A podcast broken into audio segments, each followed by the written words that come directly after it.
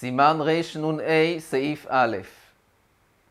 סעיף א' עוסק בעניין השיעור שנצרך למדורה בכדי שלא נחשוש שמא הוא יחטא בגחלים. אדם רוצה להבעיר מדורה, להתחמם כנגדה, כמה מדורה, כמה אש צריך להיות במדורה כדי שיהיה מותר לו ליהנות ולהשתמש מהחום של המדורה בשבת, ולא נחשוש שמא הוא יחטא בגחלים כדי להאחיז את האש בעצים. נלמד בעזרת השם שיש הבדל אם מדובר בכמות של עצים או בעץ בודד.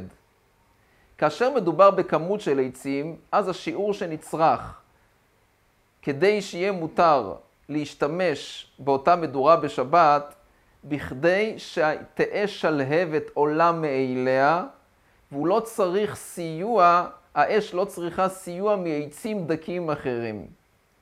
אם בערב שבת האש עולה מאליה, האש נתפסה בעצים, היא עולה מאליה והיא לא צריכה סיוע מעצים דקים אחרים, מותר להשתמש באותה מדורה בשבת. אבל אם השלהבת לא עולה מאליה, אלא רק במשך השבת השלהבת התבססה יותר ורק אז היא עולה מאליה, אסור להשתמש באותה מדורה בשבת.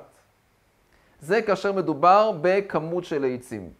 כאשר מדובר בעץ יחידי, עץ בודד השיעור שונה. בעץ בודד צריך שתאכל זעור ברוב עוביו של העץ וברוב היקפו. רק אז מותר להשתמש באותו אש, באותה אש בשבת. אני אקרא בפנים. אין עושים מדורה מעצים סמוך לחשיכה. למה? למה לא עושים מדורה מעצים סמוך לחשיכה כי חוששים שמא האש, האש לא תאחז יפה והוא יחטא בשבת? עד מתי כן אפשר להשתמש באש של המדורה בשבת?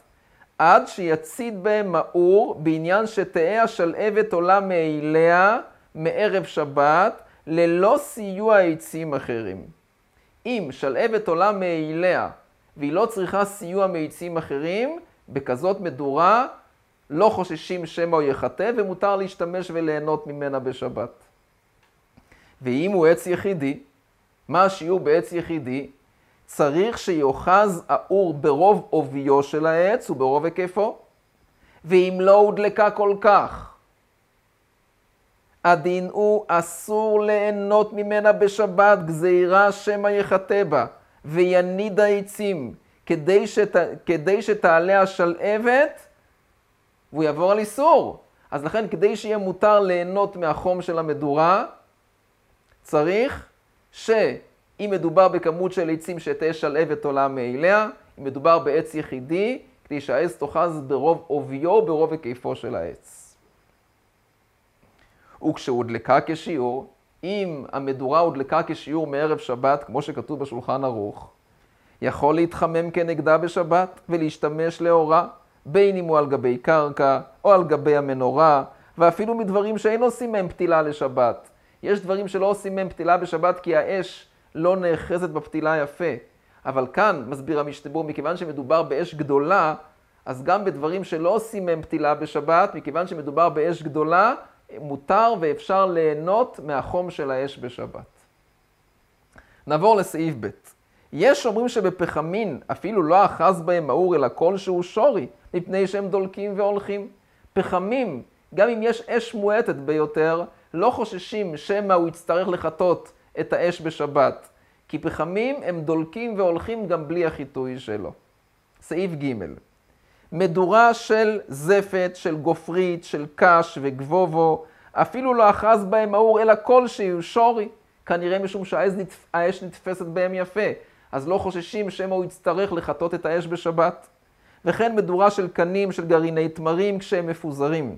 אבל אם הקנים אגודות והגרעינים בסל, כשהקנים אגודות והגרעינים מקובצים יחד בסל, צריכים שיצית בהם האור עד שתהיה שלהבת עולה מאליה. כיוון שהאש לא נאחזת בהם יפה. ויש אומרים להפך. יש אומרים בדיוק הפוך, שכאשר הגרעינים מפוזרים, אז כאשר הגרעינים מפוזרים, אז צריך שתהיה שלבת עולה מאליה, אבל כשהם יחד, אז אחד עוזר לשני והאש נתפסת יפה.